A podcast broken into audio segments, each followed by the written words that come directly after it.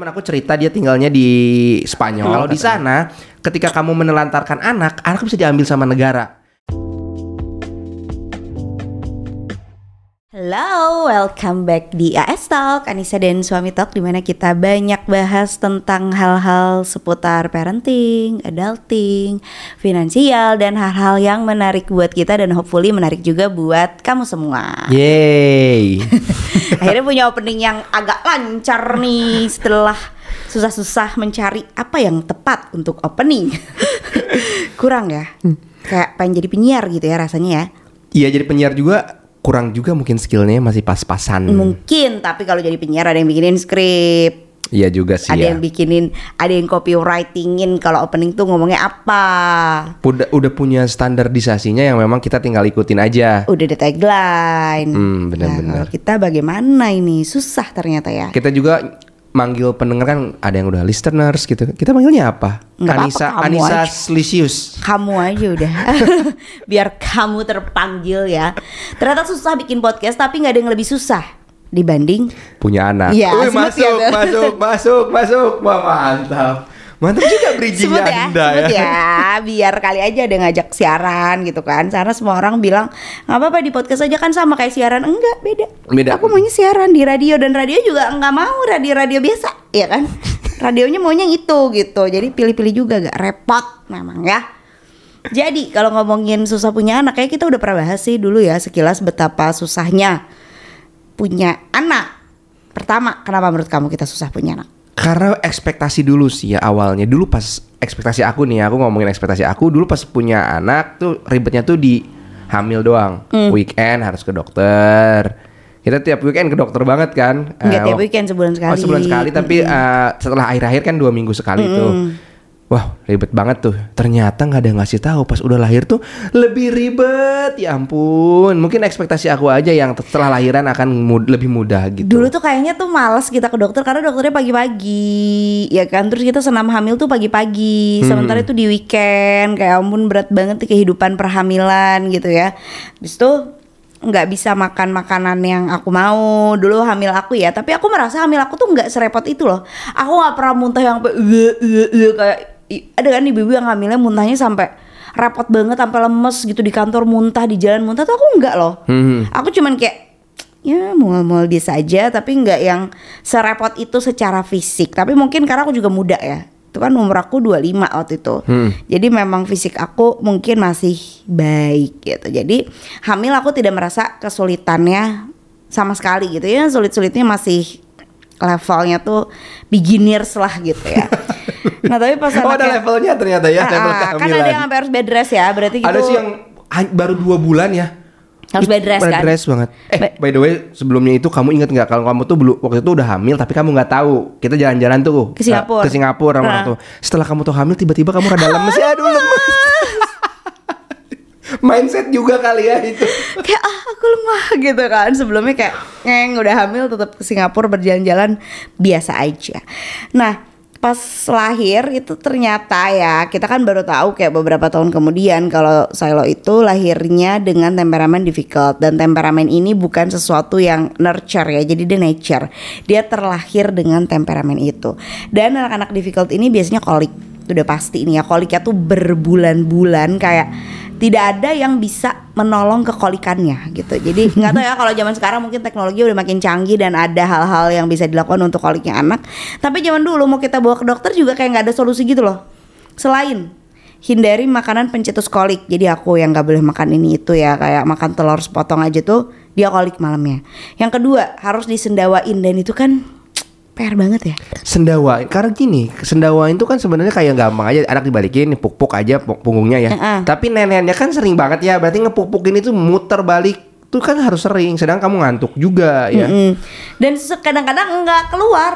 Hmm. Iya kan seringnya tuh kayak nggak bisa gitu keluar. Abis itu ya ya dulu pokoknya intinya dia menangis aku menangis aja sih. Tapi waktu kita ke dokter anak, si dokter anak tuh dibalikin anaknya, hiat hiat bunyi ya kalau dia iya, ya. Kalau dia dia kan menghadapi ribuan anak ya sejak dia berkarir pertama kali itu kan kita baru menghadapi satu anak gitu. Kurang berlatih kita. Dia ngebalikin anak juga ciap gitu, langsung Ya. kebalik tuh anaknya. terus dipupuk eh eh, kok bisa ya gitu kok Gitu aku kayak- mencoba hal yang sama di rumah gak berhasil gitu Tapi dengan umur 25 tahun ya punya bayi ya kayak ya ampun. Fisik mental finansial nggak sih? Ya fisik oke lah masih bisa lah begadang-begadang. Mental itu nggak siap. Kalau aku ya, aku nggak punya persiapan mental. Anak-anak zaman sekarang mah sebelum punya anak tuh ke psikiater dulu. Nyari tahu dulu inner childnya apa nih yang harus di prepare sebelum punya anak. Adakah emosi yang harus diproses dulu? Aku mana tahu ya punya anak 9 tahun yang lalu kayak oh iya aku jadi ingat juga ada salah satu teman kamu terus cerita sama aku eh, nanyain aku ke eh, psikiaternya di mana? Terus sekolahnya apa dulu? Gitu pas Hmm. pernikahan gitu. Terus oh kamu udah nikah selama? Enggak aku belum nikah. Aku mau ke eh, konselor pernikahan. Sebelum sebelum menikah. menikah. Wah bener sih kata kamu anak-anak Gen Z Gen Z ini tuh memang lebih aware sama kesehatan mental ya. Aksesnya ada dan pembahasannya ada gitu. Dulu jangankan akses ya dibahas aja enggak. Siapa yang ngebahas? Ngebahas uang aja udah untung kita teman-teman kita nggak ngebahas soal uang, Iya kan? iya iya Udah lebih untung gitu. Nah terus em, kesulitan-kesulitan itu ternyata terus berlanjut cuma terbantu sama daycare sebenarnya. Jadi karena kita tidak lama-lama ya bersama Silo, dia pagi sampai jam 6 tuh di daycare, kita cuma malam-malam doang, itu jadi kayak lebih ringan gitu. Hmm, iya benar-benar Ya kan jauh lebih ringan. Kita outsource dan Mbak Mbak Daycare ini adalah seperti dokter anak itu tadi terbiasa menangani anak sehingga ya udah dia menganggap semua anak tuh ya bisa ditangani gitu nggak kayak kita gitu kan. Kita kayak wah anak lain kok gampang banget ya kok anak kita susah banget. Kita kan gitu ya. Kalau mbak mbak daycare miss miss di daycare teacher teachernya tuh kayak semua anak bisa kita tangani dengan metode kita gitu kan. Konsepnya gitu kan. Iya iya. Terus? Karena di sana juga di daycare juga kan ada banyak-banyak kegiatan. Kalau di rumah kita kan kayak misalnya lah aku sama anak seharian gitu. Kan nggak punya idenya apa gitu harus seperti apa. Karena sedangkan di daycare tuh ada rutinitas yang dilakukan. Pagi mandi, setelah mandi nanti akan ada misalnya ada kelas gitu ya, kelas me- menggambar. Hari ini besok besok main apa gitu, main pasir lah gitu. Kan ada yang merhatiinnya juga. Jadi anak tuh seharian tuh nggak bosan di sana. Tapi kita harus bertemu dengan anak kita lebih lama saat pandemi. Nah itu agak-agak zong ya karena ternyata setelah aku pikir-pikir aku tuh nggak pernah bersama Silo selama 24 jam sampai umur dia tiga bulan kan. Jadi tiga bulan pertama di lahir itu ketemu sama Silo 24 jam of course. Abis itu nggak pernah kayak ya udah weekend doang. Eh, sisanya ya dia di daycare dan itu membantu kondisinya Silo gitu yang difficult lalu kemudian ada SPD dan banyak hal-hal lainnya. Tapi pas pandemi wah karena kita tuh menganggap anak kita tuh ya anak kita aja gitu loh. Kalau mbak daycare menganggap anak tuh sebagai part of the job Mhm. jadi memang ini kerjaannya mereka gitu kan. Mereka masuk pagi-pagi absen untuk mengurus anak. Kalau kita kan nggak begitu ya. Ada supervisornya juga. ada supervisornya gitu. Ada hal yang memang harus dilakukan. Ada KPI-nya lah gitu ya kurang lebih. Ini anak harus makan ini anak harus mandi ini anak harus dinner gitu. Kita kan nggak ya. Mulailah terasa lagi bahwa gila ini susah banget gitu. Tapi menurut aku kita beruntung sih. Pas pandemi itu selalunya umur 5 mau umur 6 Hmm. kebayang nggak kalau umur 3 Komunikasinya juga udah lebih baik ya. Ah, ah, dia nggak bisa bilang lapar coba umur 3 kayak masih tantrum ah astagfirullah untungnya kita punya anak pas pandemi itu umur 5 ya Oh, kalau pas balita tuh ya ngantuk atau lapar aja tuh nangis gitu kan nggak bisa. Aku tuh lapar. Enggak kamu tuh eh ka- kamu tuh sedih gitu bukan sedih kamu tuh lapar gitu kan. Nangis terus anak tuh kan. Karena memang dia nggak bisa me, apa yang bilang apa yang dia mau. Tapi kalau umur lima tahun ya sebenarnya umur lima tahun juga kalau lagi ngantuk nggak nggak Belum bisa ngomong langsung kayak tidur sih ya. Eh, Dia tetap aja nangis tapi kan lebih mudah lah ya. Dan juga ya At least bisa makan sendiri lah, bisa pipis sendiri, nggak usah ganti pampers. Nah dari situ juga kita jadi anak sensitif ya. Eh, dari situ anak sensitif tadi bilang ada kamu bilang ada SPD, anak mudah marah. Dari situ tuh kelihatan oh ternyata ada hal eh, apa ya kekurangan dari anak kita yang memang itu tuh hilang waktu pas pas lagi di daycare karena anak tuh selalu di apa diintervensi ya. Ada aktivitas-aktivitas yang mengintervensi SPD-nya dia, sensitifnya dia. Jadi waktu itu itu dia marah terus. Kita juga bingung sebenarnya dia kenapa sih suka marah, kenapa dia takut. Eh, akhirnya pas kita pindah ke sini juga kok dia kayak nggak ngerasa nyaman. Kita pindah dari apartemen ke rumah yang sekarang itu dia ngerasa nggak nyaman. Akhirnya datang kita ke akhirnya kita datang ke psikolog. Psikolog tuh bilang kenapa sih sampai uh, perasaan dia tuh ngerasa nggak nyaman terus karena fisiknya nggak nyaman. Kelihatan di sosial medianya. Bukan, bukan, bukan. Maksud aku tuh kayak baru punya anak satu, terus kita ngeliat bahwa anaknya kayaknya masih kurang maksimal, tapi punya anak lagi.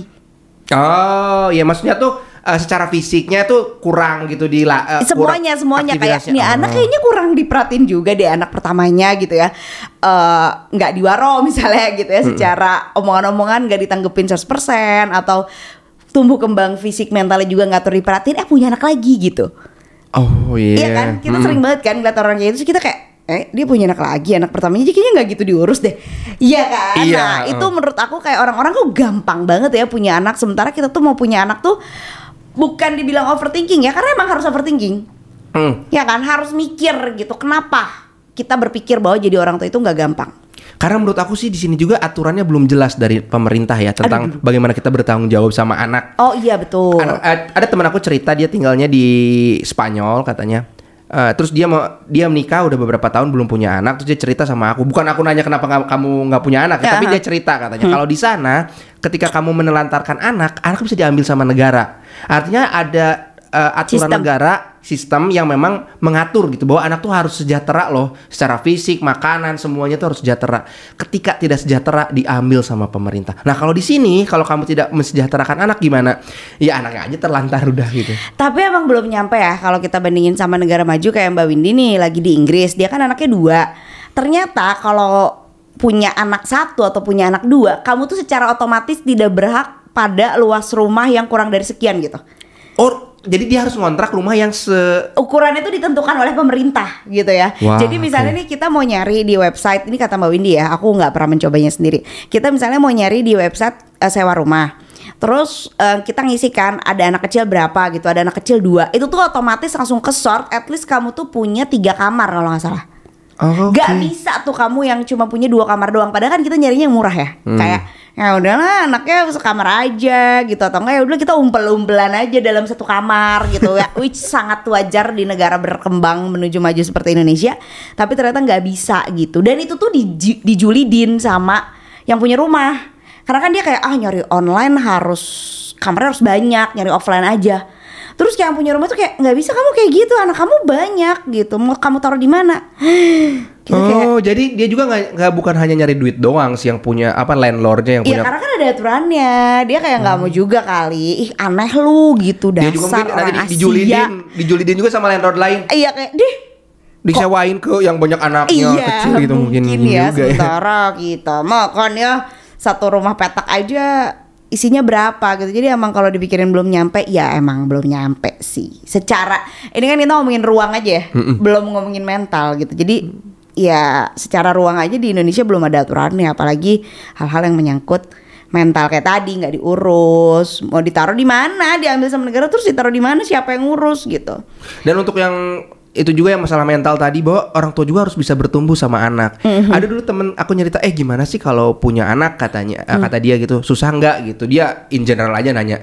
Aku nanya, kamu punya istri dulu deh gitu dia belum nikah Iya yeah. kamu punya istri dulu deh gimana jadi tantangannya tuh biar aja tumbuh seiring dengan kebutuhan kamu sekarang kamu butuhnya apa bukan gimana uh, besarin anak gimana cari pasangan dulu gitu dan sebenarnya nyari pasangan juga ada hubungannya kalau memang niatnya menikah untuk punya anak Oke. Okay.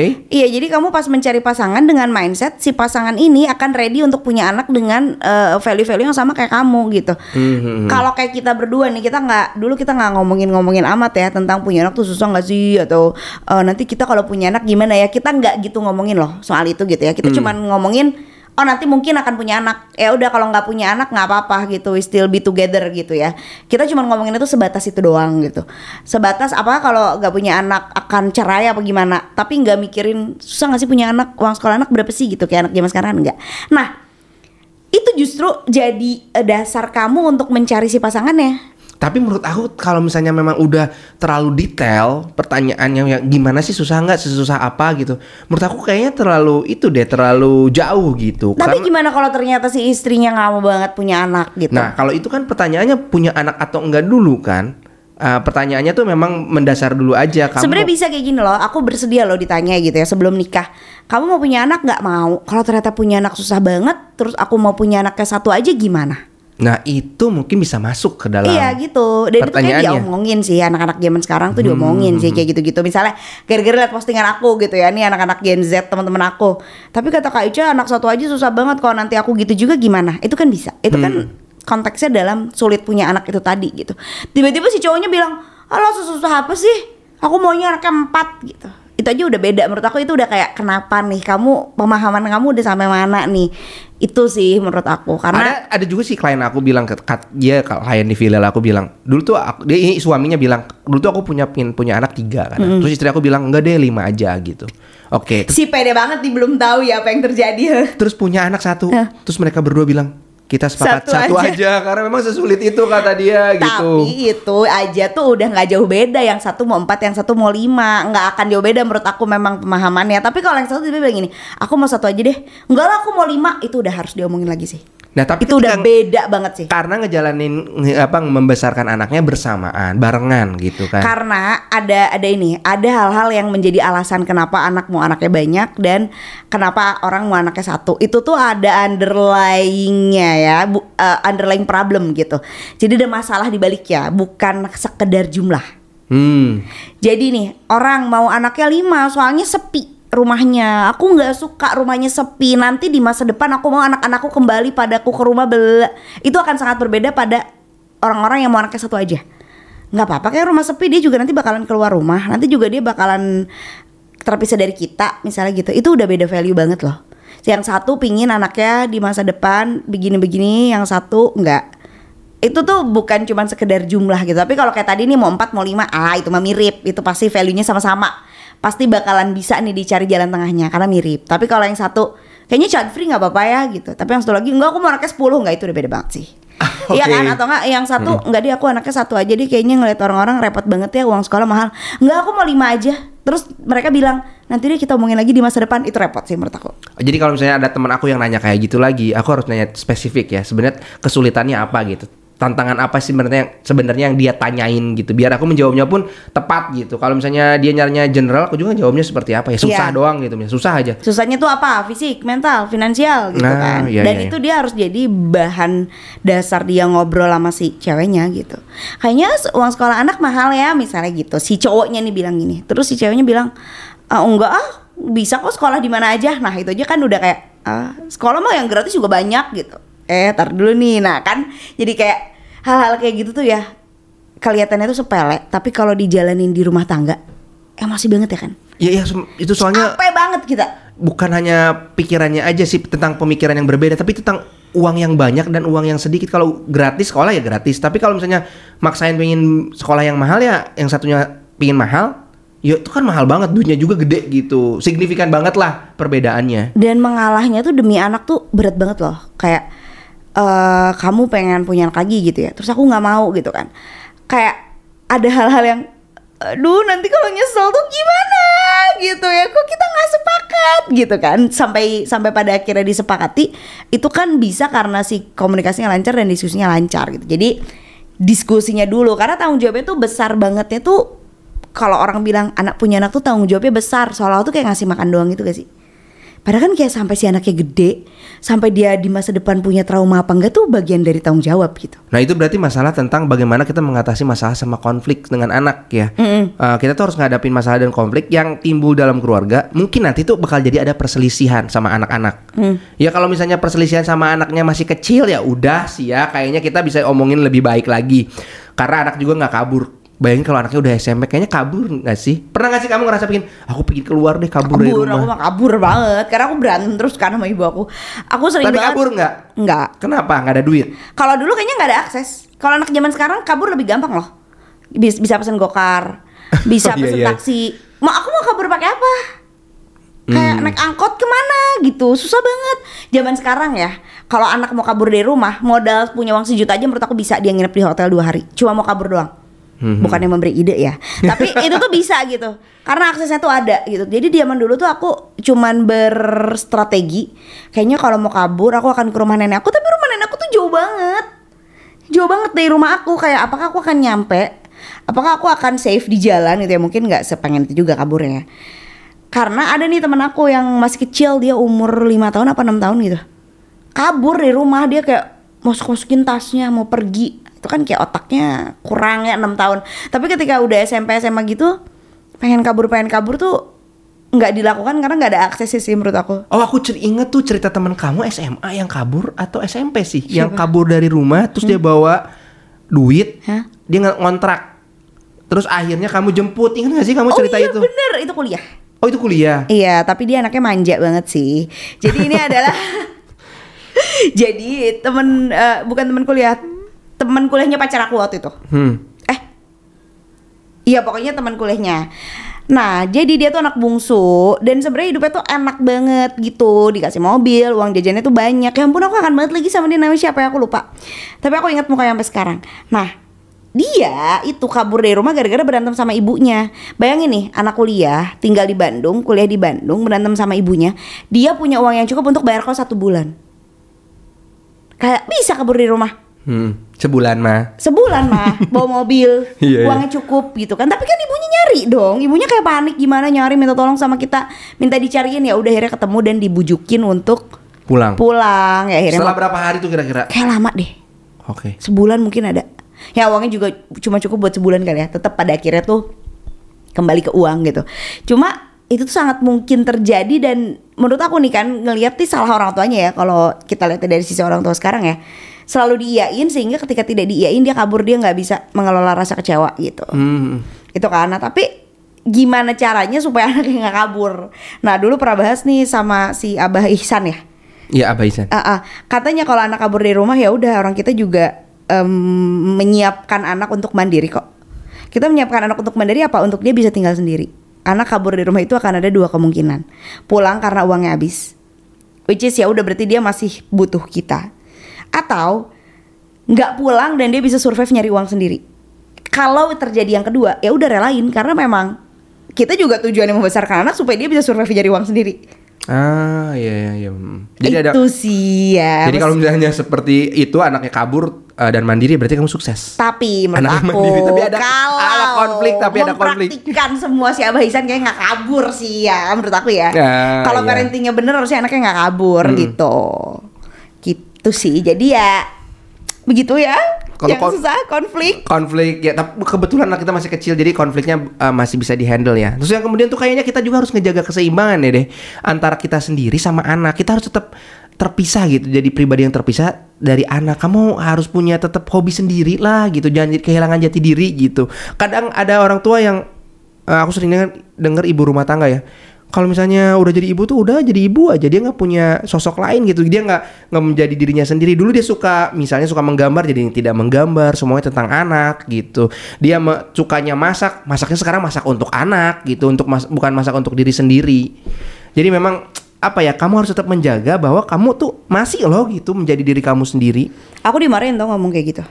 Ya enggak dong, kak kan banyak juga ibu-ibu yang memang memilih untuk fokus sama anak aja. Ya udah nggak apa-apa kalau kamu memilih demikian.